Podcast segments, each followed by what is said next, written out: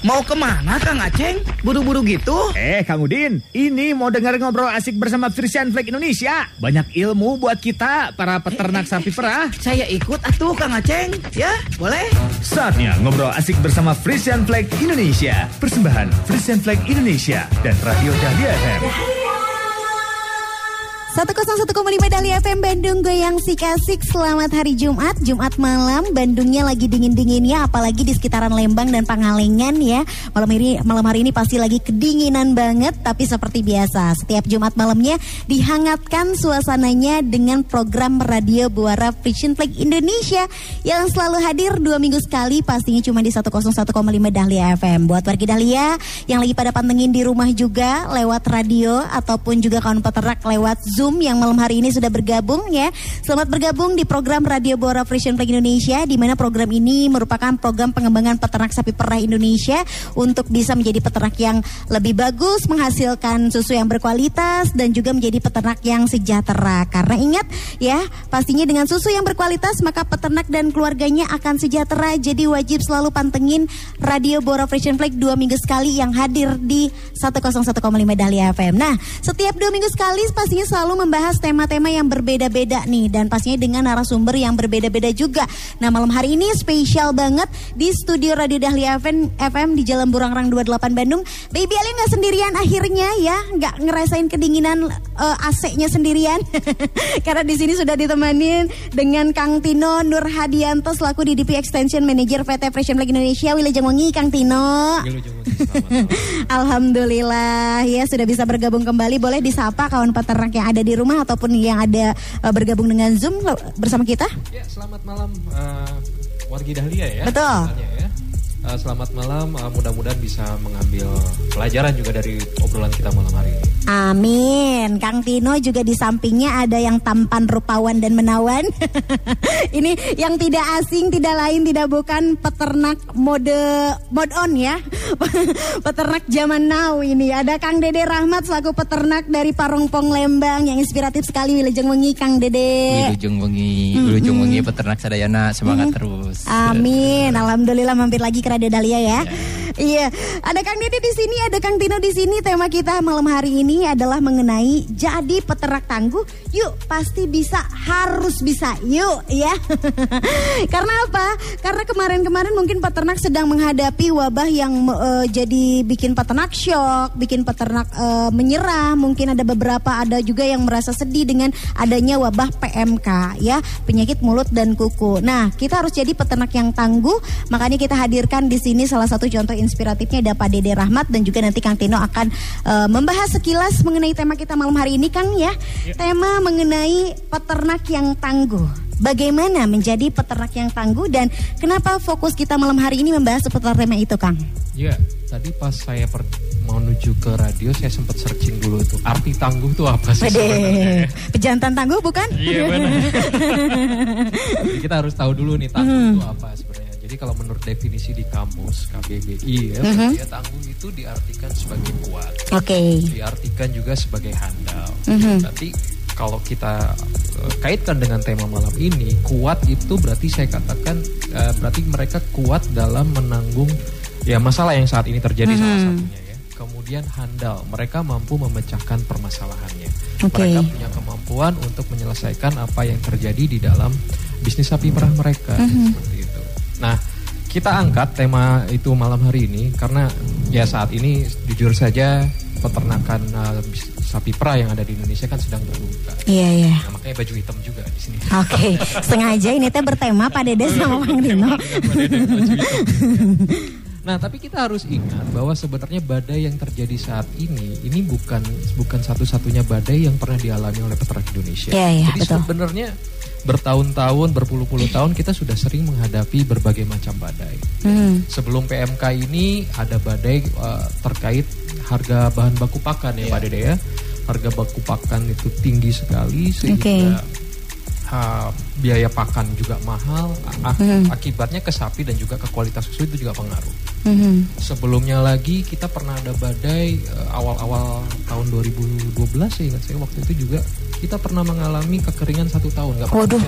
Iya iya iya. Waktu itu jadi peternak juga kehantam karena mencari rumput sulit. Oke, oke. Nah, jadi sebenarnya saya ingin mengangkat ini kenapa sih? Karena bisnis sapi perah itu sebenarnya sama seperti bisnis-bisnis yang lain gitu ya. Mhm. Sama kayak kita juga punya perusahaan pada dasarnya.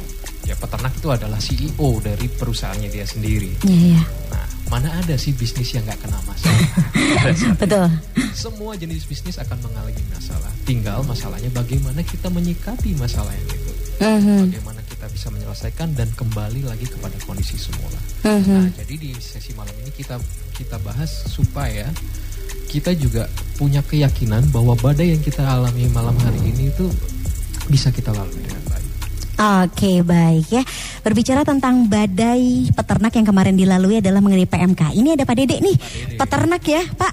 Alhamdulillah kabarnya Pak Dede ini merupakan salah satu peternak yang eh, bisa dibilang bisa melewati badai PMK tersebut yang kemarin sudah terjadi. Boleh diceritakan pengalaman ini kemarin seperti apa Pak? Sebetulnya kita sebagai peternak sangat-sangat eh, ngeri, sangat khawatir di Iya, saat pasti itu. ya. Karena apa? Kita peternakan kita karena eh, agak belakangan. Nah, dapat informasi-informasi bahwa eh, sapi-sapi yang kena PMK itu bisa mengakibatkan kematian dan segala macam. Itu juga sangat menakut menakutkan buat buat kita. Iya.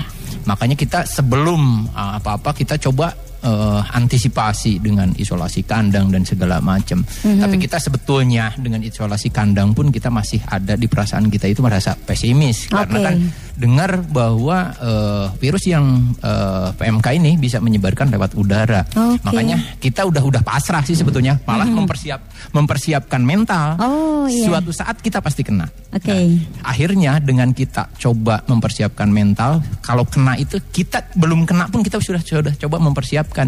Kalau kena kita langkah kita harus seperti apa? Kita pelajari dari orang yang duluan kena itu seperti apa. Dengar kabar bahwa, nah kita agak sedikit eh, punya eh, rasa semangat. Kita sudah merasa akan kena, tapi tingkat kesembuhan yang apa yang yang sudah kena juga ada. gitu. Oke. Makanya saya persiapkan diri untuk ah saya kena tapi saya persiapkan diri supaya kena tapi akan sembuh kembali. Nah itu itu yang saya, secara mental saya persiapkan Oke. dulu untuk untuk itu.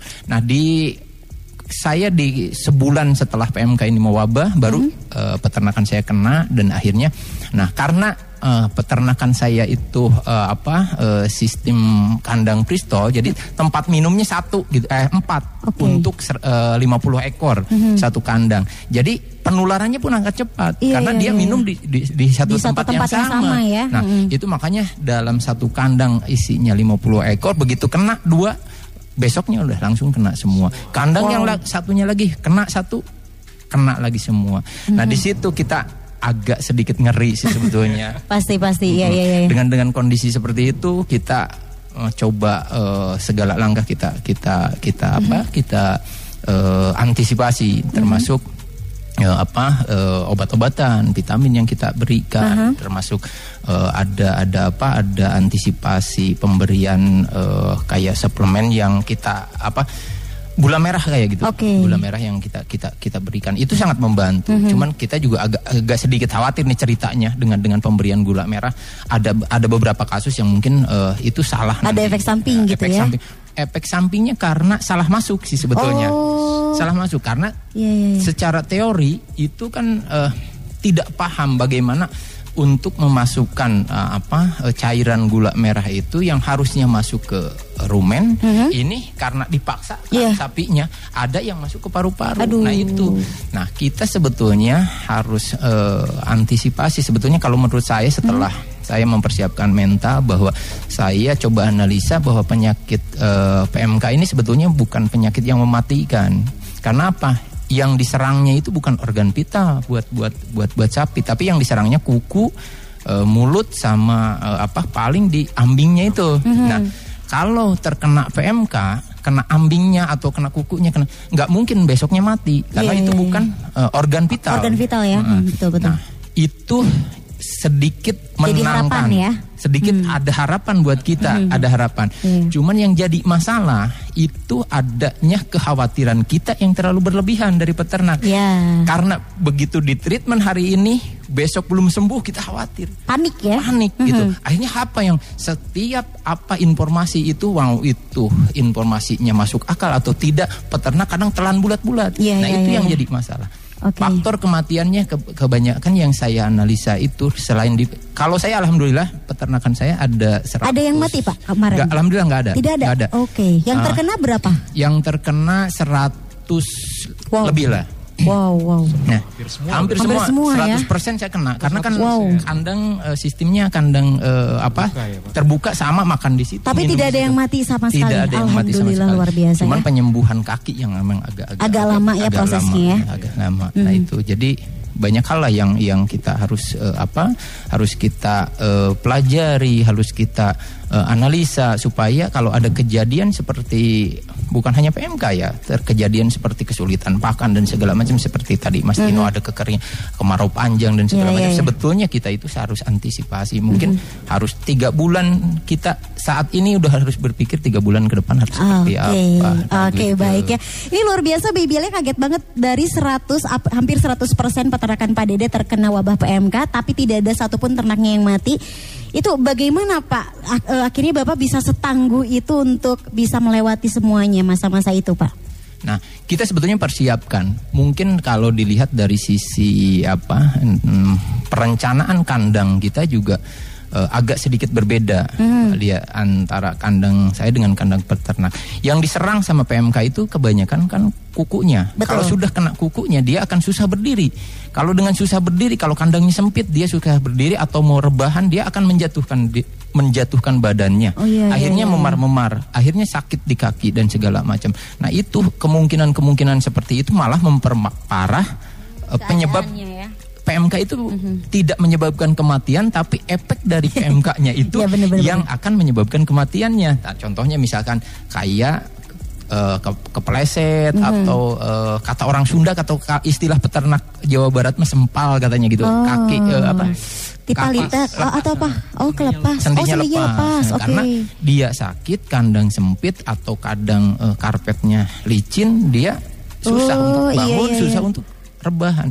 Nah, kebetulan kandang yang saya eh, bikin itu konsepnya kandang yang lepas. Jadi kita nggak diikat sapinya. Jadi kita ah, sapinya dilepas, terus eh, tempat rebahannya itu kita terbuat dari eh, serbuk gergaji, eh, alasnya serbuk gergaji atau sekam padi. Jadi dia kalau mau berdiri atau mau rebahan itu relatif lebih lebih nyaman, nggak nggak mungkin kepleset.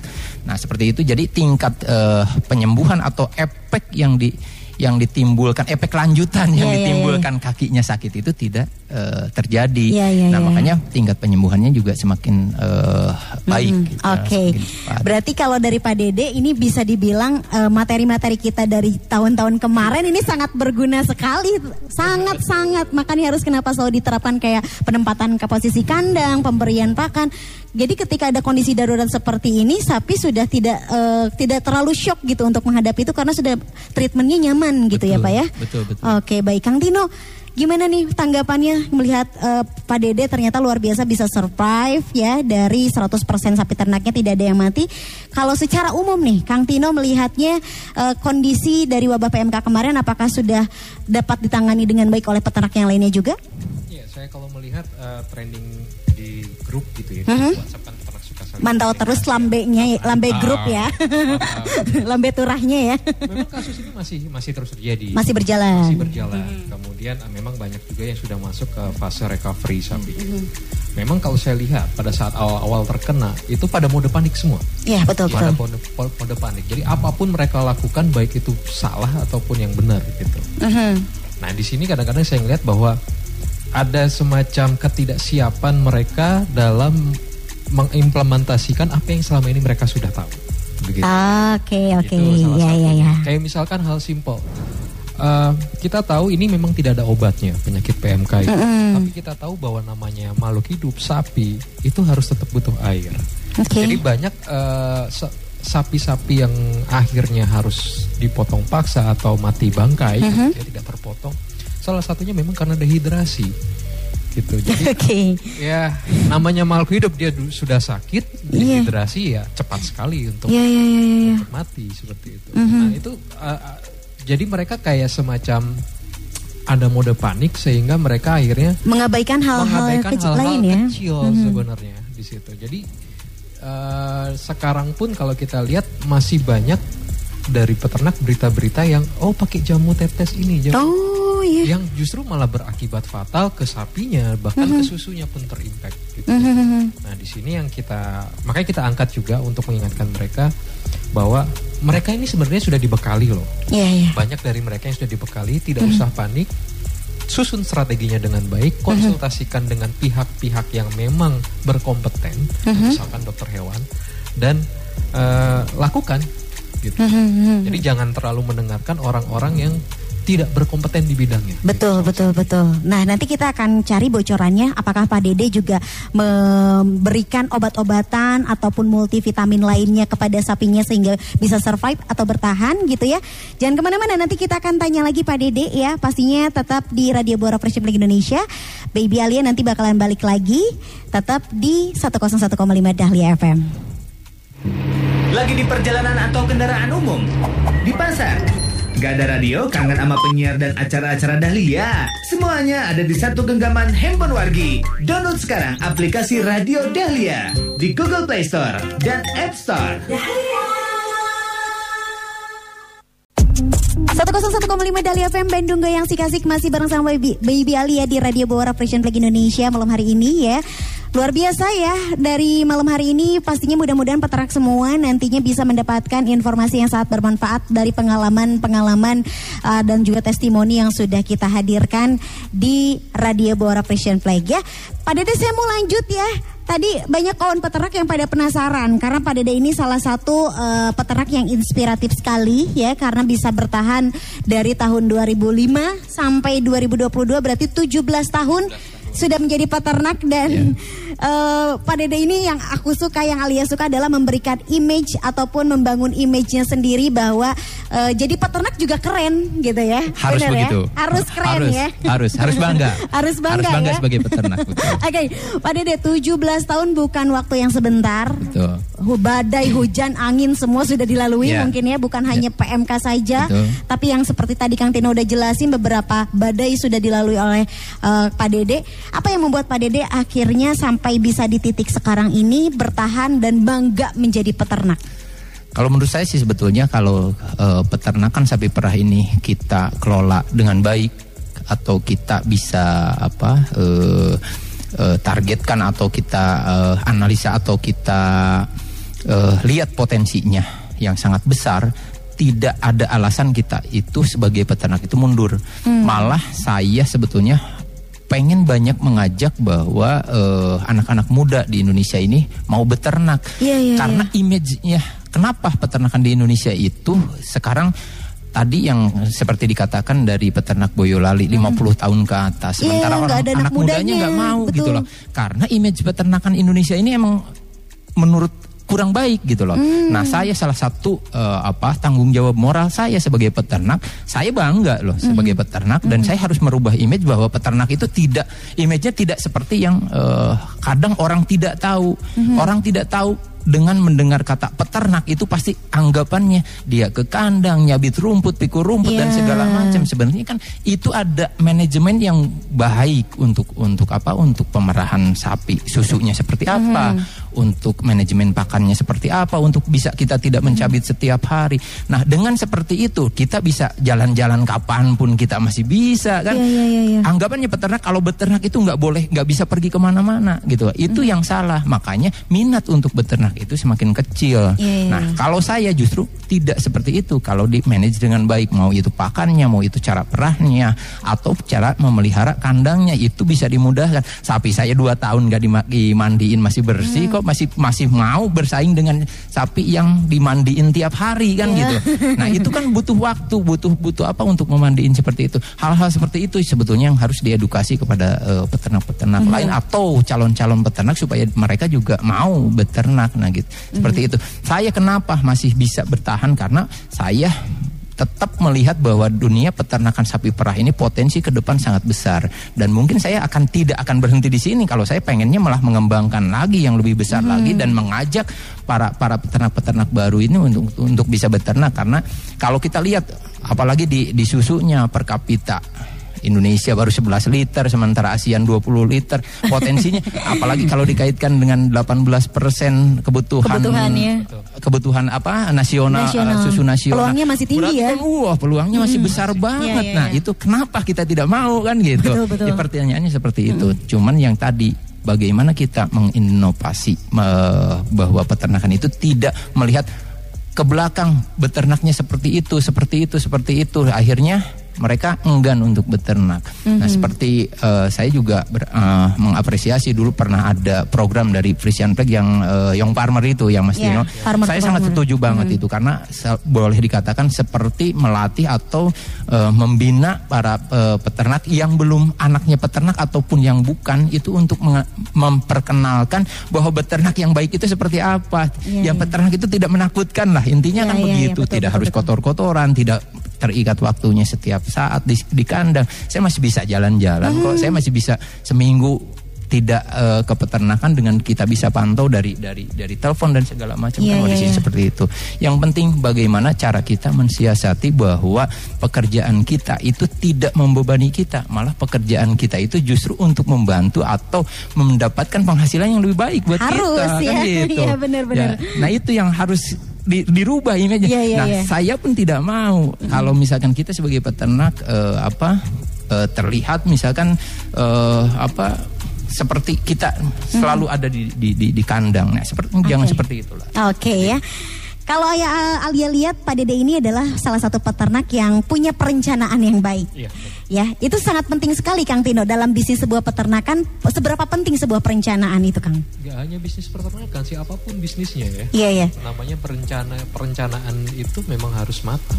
Mhm. Jadi kadang-kadang yang saya lihat adalah ketika misal uh, ada harga bahan baku pakan yang melambung tinggi. Mhm. peternak eh, semacam tidak punya strategi begitu bagaimana mengatasi hal ini kalau memang dari pihak koperasi misalkan memang ada keterbatasan untuk itu. Iya, iya, Nah, iya. kalau mereka punya strategi mereka akan berpikir kira-kira misal untuk protein di pakan saya kurang Mhm. yang disuplai dari koperasi karena eh, harga bahan baku melambung. Kira-kira untuk mengatasi hal ini apa yang bisa saya Betul. gantikan kayak Iya, gitu. iya, iya, betul. Nah, mereka seolah-olah kayak blank atau kosong gitu. Bu. Nah, kadang-kadang itu yang saya lihat karena mereka tidak punya perencanaan atau mungkin prediksinya juga pada Betul. ya. Iya, iya, iya. Kita tahu oh mungkin tahun depan akan terjadi kekeringan.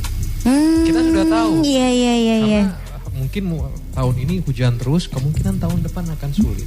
Oke. Mereka nggak ada perencanaan nanti kalau pada saat musim kemarau, apalagi kemarau panjang, dari mana saya Pakannya apa ya? Betul. Ketika ditawari, oke ini ada silase, Silase. Pak, untuk membantu dan segala macam. Iya. Mindsetnya mahal Iya, ya Pak Dede. betul, oh, betul. iya, iya. Ah saya harus beli dan Mending ngerumput macam. aja gitu Iya. ya. Karena nggak Nah itu juga. Ya. nggak menghitung dan mereka itu terlalu melihat kebiasaan nama Iya, seperti iya, apa iya, iya. gitu. Terus kan eh, peternak juga kadang kalau kepanikan itu karena mereka tidak punya plan A dan plan B biasanya. Begitu plan A mereka ada masalah, mereka panik. Tapi kalau kita sebetulnya kita rencanakan, kita ada ada plan A dan kalau ini bermasalah kita lari ke plan B-nya. Mau itu dipakan, contohnya misalkan kita pakan. Pakan itu misalkan taruh kata dengan konsentrat yang harga bahan baku eh, mahal.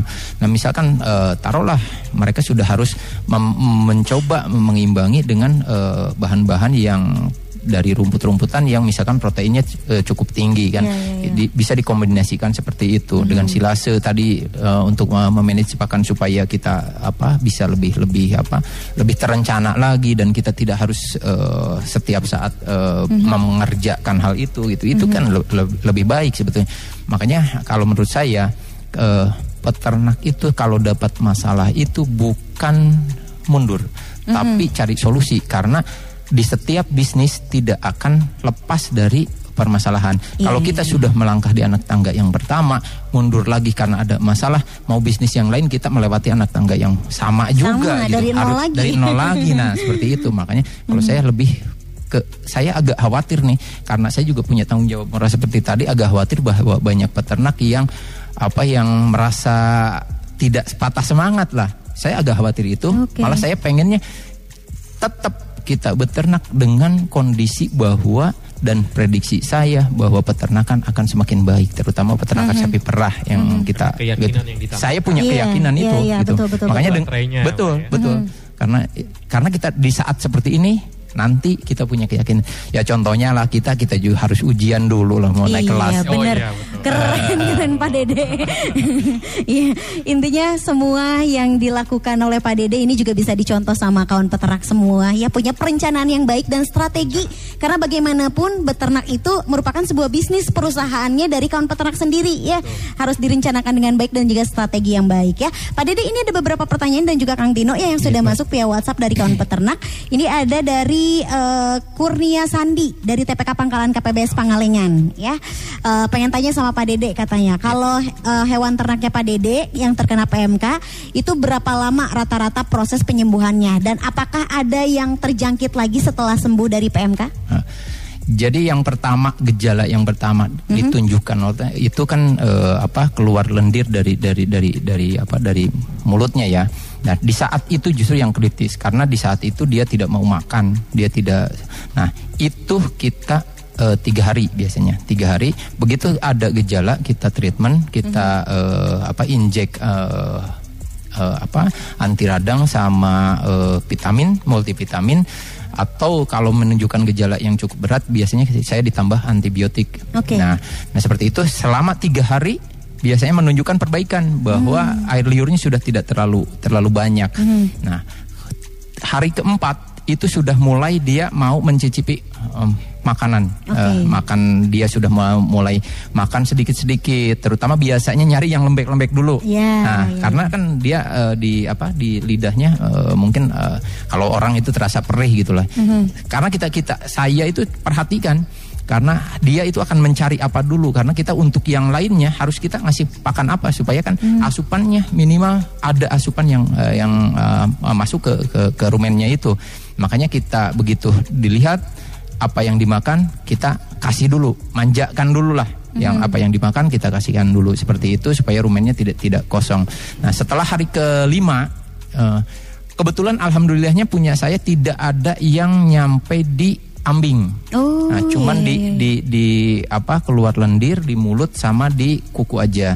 Nah cuman kalau yang di kuku emang eh, agak-agak lama. Se- eh, setelah satu bulan masih ada yang pincang-pincang tapi yang sembuh pun total sudah apa sudah eh, baik eh, seperti semula juga sudah sekitar 70 sampai 80 persen. Tapi yang apa yang masih agak pincang-pincang itu juga masih ada. Treatment untuk untuk apa untuk kuku biasanya saya pakai eh, tembaga sulfat. Eh, temba- Bulau ya? bulau betul. Oh, bulau. yang dicairkan. Nah itu eh, 20 gram untuk per eh, liter. Nah kita semprotkan. Oke. sehari tiga kali nah cuman yang itu harus kontak ke, ke harus kena ke ke, ke yang sakitnya Yang ke yang sakitnya, lukanya oke. harus kena yang ke yang lukanya nah biasanya saya siasati untuk yang bawah itu karena saya yakin peternak juga agak sulit eh, treatmentnya di saat dia rebahan Mhm. nah karena di saat sakit dia rebahan biasanya kalau yang lagi sakit itu kita agak dioprek sedikit kakinya aja masih diem Iya, iya, iya. beda yang sehat kalau yang sehat kita pegang udah berdiri lagi Mhm. nah di saat itu semprot sampai ke dalam nah, sehari tiga kali Mhm. selama masih menunjukkan eh, pincang biasanya ada luka-lukanya terlihat Oke. ada lukanya terlihat sampai kena nah setelah itu nah sampai saat ini masih ada yang pincang yang yang mungkin itu yang parah tapi yang lainnya sudah sudah sudah membaik Mhm. Oke, Pak Dede, ini ada beberapa peternak yang juga minggu lalu ya Betul. bertanya katanya, akhirnya eh, saking putus asanya gitu ya vaksin belum ada dan sebagainya penanganan belum ada, mereka pakai obat-obatan warung. nah Pak Dede itu gimana? itu yang jadi masalah besar sebetulnya. Iya. Nah, saya ada beberapa menganalisa ada beberapa tetangga atau plasma saya yang saya di plasma saya itu ada dua eh, mungkin yang yang korban.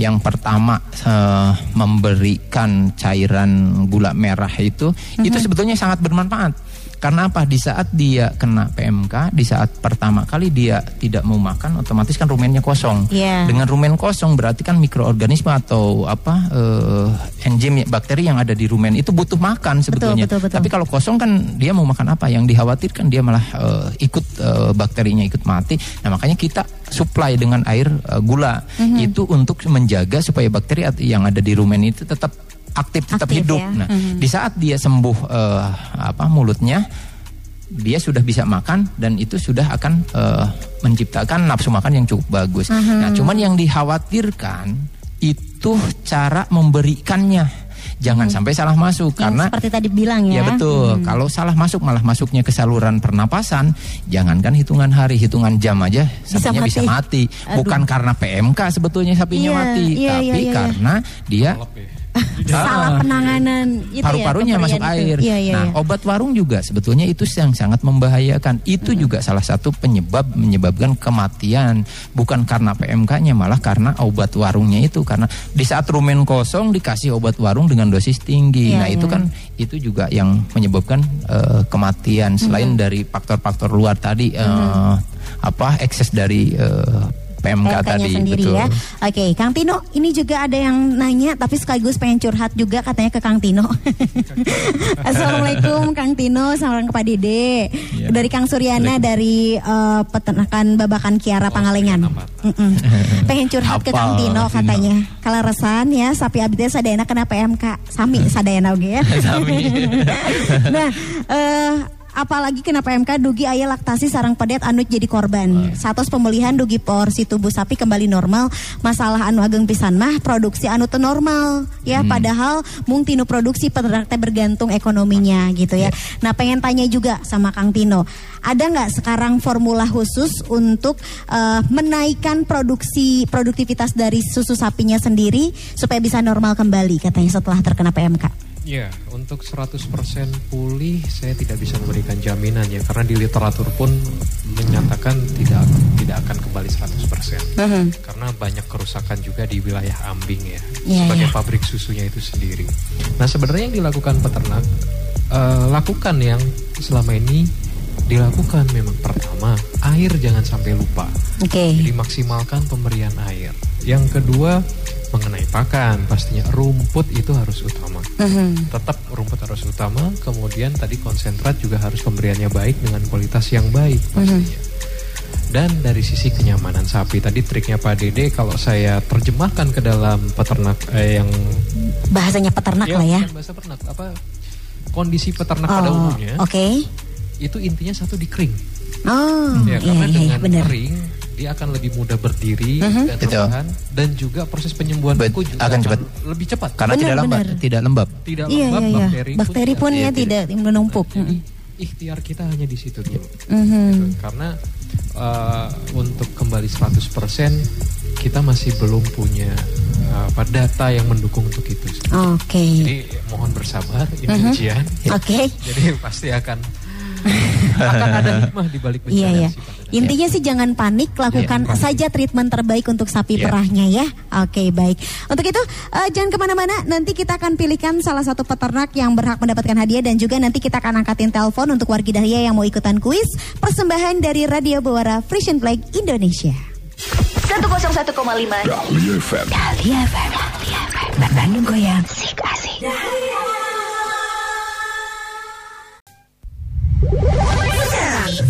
Wargi bisa streaming siaran radio Dahlia FM via aplikasi Ju via aplikasi Ju.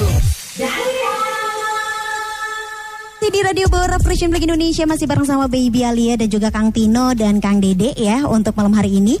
Nah untuk wargi Dahlia yang ada di rumah yang mau ikutan kuis persembahan dari Radio Bawara Frisian Flag Indonesia boleh untuk telepon di 73028 atau di 7311710. Ada siapa ini? Halo Radio Bawara Frisian Flag.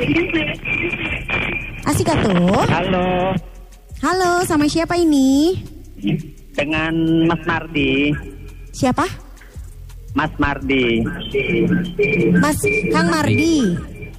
Mas Mardi. Mas Mardi dari mana Mas Mardi?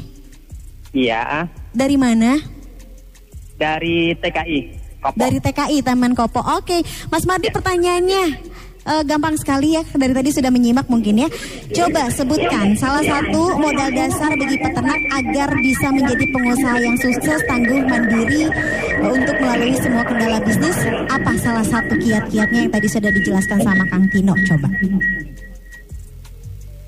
Harus cepat tanggap, tanggap, tanggap. Volume radionya dikecilin dulu biar jelas suaranya Mas Mardi. Harus cepat tanggap untuk menghadapi semua permasalahan yang ada. Ya tadi seperti TMK seperti yang kemarin. Hmm, Kang Tino bisa mendengar? Cepat tanggap katanya. Oh cepat tanggap, mencari informasi katanya. Gimana kasih hadiahnya Kang Tino? Oh, Benar. bener ya. Oke, Mas Mardi boleh nanti hadiahnya diambil ke Radio Dahlia di jam kerja. Selamat ya. Panteng Radio. Panteng Dahlia enak-enak langgapnya. Terus ah, go go go go ya. Baik, terima kasih ya Mas Mardi. Kalau dari kawan peternak Baby Alia sudah memilih satu pemenang yang silakan hadiahnya nanti bisa diambil ke koperasi terdekat untuk Kang Suryana dari Babakan Kiara Pangalengan ya yang tadi pertanyaan dan curhatannya ya begitu menyayat hati. Oke, Kang Tino dan juga Pak Dede. Ini pertanyaan sebetulnya masih banyak ya yang mau bertanya tapi mungkin dari eh, beberapa pembahasan tadi di awal kesimpulan dikerucutkan untuk menjadi peternak yang tangguh, yang bisa survive dalam keadaan apa pun dan bisa menjadi peternak yang sukses. Itu seperti apa dari Pak Dede dulu mungkin Mangga? Ya, eh, kalau kita si- seperti yang saya lakukan, saya itu beternak sebetulnya bertahap. Mungkin kalau dikatakan sama seperti yang lain, bahwa kalau dari dasarnya eh, saya eh, apa keilmuan atau eh, latar belakang eh, pendidikan juga saya bukan di- dari peternakan, tapi saya belajar otodidak atau bela- berdasar eh, berdasarkan belajar berdasarkan pengalaman. Tapi dengan tidak pa- dengan pantang menyerah atau punya keyakinan bahwa eh, beternak itu akan menjadi hal yang sangat menjanjikan, makanya eh, saya akan eh, terus kita gali peternakan ini untuk bisa eh, kita bertahan atau kita bisa eh, mencapai tujuan kita eh, dalam beternak itu yang dikatakan sukses itu seperti apa juga saya Iya, nggak iya, ngerti. iya. tapi intinya kita bisa bisa beternak dengan dengan dengan apa? Dengan bisa punya imbalan atau eh, lebih baik dari apa yang dari usaha yang kita lakukan.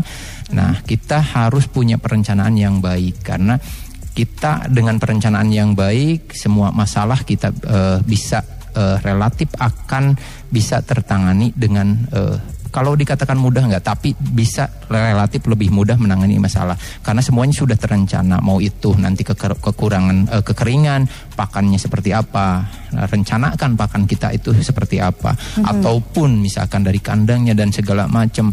Nah, bagaimana cara menyederhanakan peternakan kita?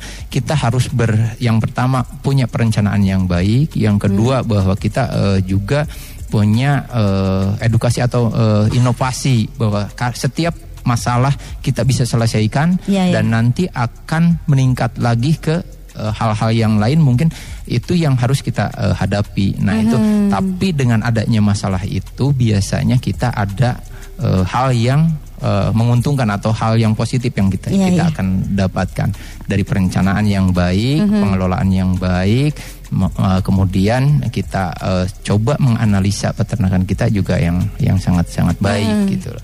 Oke baik ya Dengan adanya masalah kita bisa banyak belajar banyak hal Betul. Dan menaikkan level kita ya Pak ya Betul, Oke luar biasa sekali Pak Dede ya Kalau dari Kang Tino Kang Boleh apa yang mau disampaikan Ya, badai ini ya harap bersabar. Ini ujian. Kalau artinya ujian mau naik kelas. Naik kelas, naik Jadi eh, tetap berharap bahwa ke depan akan jauh lebih baik dan yakinlah bahwa selama ini kita sudah banyak menghadapi asam garam di dunia peternakan. Jadi bapak dan ibu sudah membuktikan bisa Melewati itu ya. sampai titik ini itu sudah biasa. Jadi masalah PMK pun yakin pasti akan terlambat. Mhm. Ngelihat PMKT kayak zaman-zaman awal-awal Covid ada ya, Ah, panik betul, semua persis. padahal bisa ditangani dengan Betul, baik kalau persis. kitanya tenang dan Betul. penanganannya betul, ya Betul, Pak betul. ya. Betul, seperti Mhm. itu. Jangan panik ya Ya. kawan peternak semua apalagi ini Pak Dede sudah membuktikan 100% peternakannya itu hewan ternaknya semua kena PMK tapi dia bisa survive bahwa semua bisa ditangani asalkan tadi ya Iya. kiat-kiat dari Pak Dede insya Allah mudah-mudahan bisa diterapkan juga untuk kawan peternak yang lainnya dan jangan cukup sampai di sini cari informasi dan ilmu yang lainnya juga dari kawan Iya peternak yang lainnya. betul. Mm-mm. Salah satunya berkomunikasi. Kita eh, jangan enggan bertanya, jangan enggan ngobrol membahas tentang peternakan karena ha- dari situlah biasanya kita punya pengalaman dan kita bisa eh, saling sharing untuk menyelesaikan masalah-masalah yang kita hadapi. Nah, karena kan eh, secara eh, formal kita juga eh, peternak untuk untuk belajar tentang peternakan sudah bukan waktunya, tapi bisa kita sambil ngopi-ngopi bareng. Bener, nah, bener, gitu kayak, kayak gitu santai gitu ya. santai. Nah, hal-hal seperti itu sebetulnya sangat-sangat sangat berguna buat saya. Termasuk eh, da- yang dilakukan program Frisian Plague juga saya sering ngobrol atau eh, kunjungan dengan eh, peternak eh, dari Belanda itu sangat-sangat bermanfaat eh, buat kita karena kita sudah bisa melihat ke atas dengan eh, secara jujur bahwa peternakan mereka itu jauh sudah sudah lebih maju dan kita bisa melihat ke atas dan kita akan akan menuju harus menuju ke sana Iya, gitu. termotivasi ya. Termotivasi. Nah, seperti itu. Makanya dengan komunikasi dengan sesama peternak karena saya yakin peternak itu tidak akan pelit ilmu selama sesama-sama peternak pasti akan terbuka dan akan kita Hmm. Saling apa support saling ya. support untuk untuk bisa sukses dan bisa eh, mengelola peternakannya dengan Betul, baik. termasuk Pak Dede. Jadi silakan nanti yang di lingkungan sekitar Pak Dede ataupun dari jauh kalau mau konsultasi ataupun ngobrol, sharing bareng-bareng, juga Pak Dede selalu terbuka ya. Iya, boleh. Terus. Oke luar biasa ya Malam hari ini pembahasannya mudah-mudahan menjadi energi positif untuk kawan peternak semuanya Bahwa di depan masih ada harapan untuk menuju masa depan yang sejahtera untuk kita semua Jadi jangan patah semangat Mau sekarang sapi tersisa satu atau dua pun masih ada harapan di situ Betul, ya betul. Oke luar biasa terima kasih banyak Kang Tino dan juga Kang Dede ya Iya, Untuk waktunya malam hari ini. Dan mudah-mudahan semua informasi ya dan ilmu yang disampaikan oleh narasumber kita bisa diserap dengan baik untuk kawan peternak semua. Karena semua hal yang dilakukan oleh orang-orang sukses itu dilakukan secara bertahap dengan penuh perencanaan yang baik. Jadi tinggal bagaimana peternak mau mencoba dan mau melakukannya ya. Jangan lupa Baby Ali nanti akan kembali lagi dua minggu yang akan datang di Radio Frisian Frisian Flag Indonesia. Jadi selalu simak obrolan-obrolan menarik dari program Radio Buara Frisian Flag karena di dalamnya ada informasi dan ilmu yang bermanfaat untuk kawan peternak eh, persiapkan ya atau diterapkan supaya bisa menjadi peternak yang sukses dan juga sejahtera ya. Untuk yang WhatsAppnya belum terjawab pertanyaannya nggak usah khawatir karena nanti kita akan screenshot satu persatu dan nanti akan dibalas langsung via chat WhatsAppnya Radio Buara. Jadi jangan sungkan untuk mengirimkan pertanyaan di setiap episode di Radio Buara Fashion Flag Indonesia dan baca terus tabloid Buaranya ya untuk mencari informasi-informasi yang sangat bermanfaat. Baby Ali pamit dulu di Radio Buara Fashion Flag-nya. Sampai ketemu lagi dua minggu yang akan datang. Panteng Radio, Panteng Dahlia, Prung Ah, Go Go Go, Goyang. Kang Udin, Kang Udin. Kang Udin mah, hayu atuh Kang pulang. Ngobrol asik bersama Frisian Flag Indonesia-nya udahan. Terus gimana tuh saya? Tenang, ngobrol asik barengan Frisian Flag Indonesia bakalan balik lagi tiap hari Jumat dua minggu sekali. Persembahan Frisian Flag Indonesia dan Radio Dahlia FM.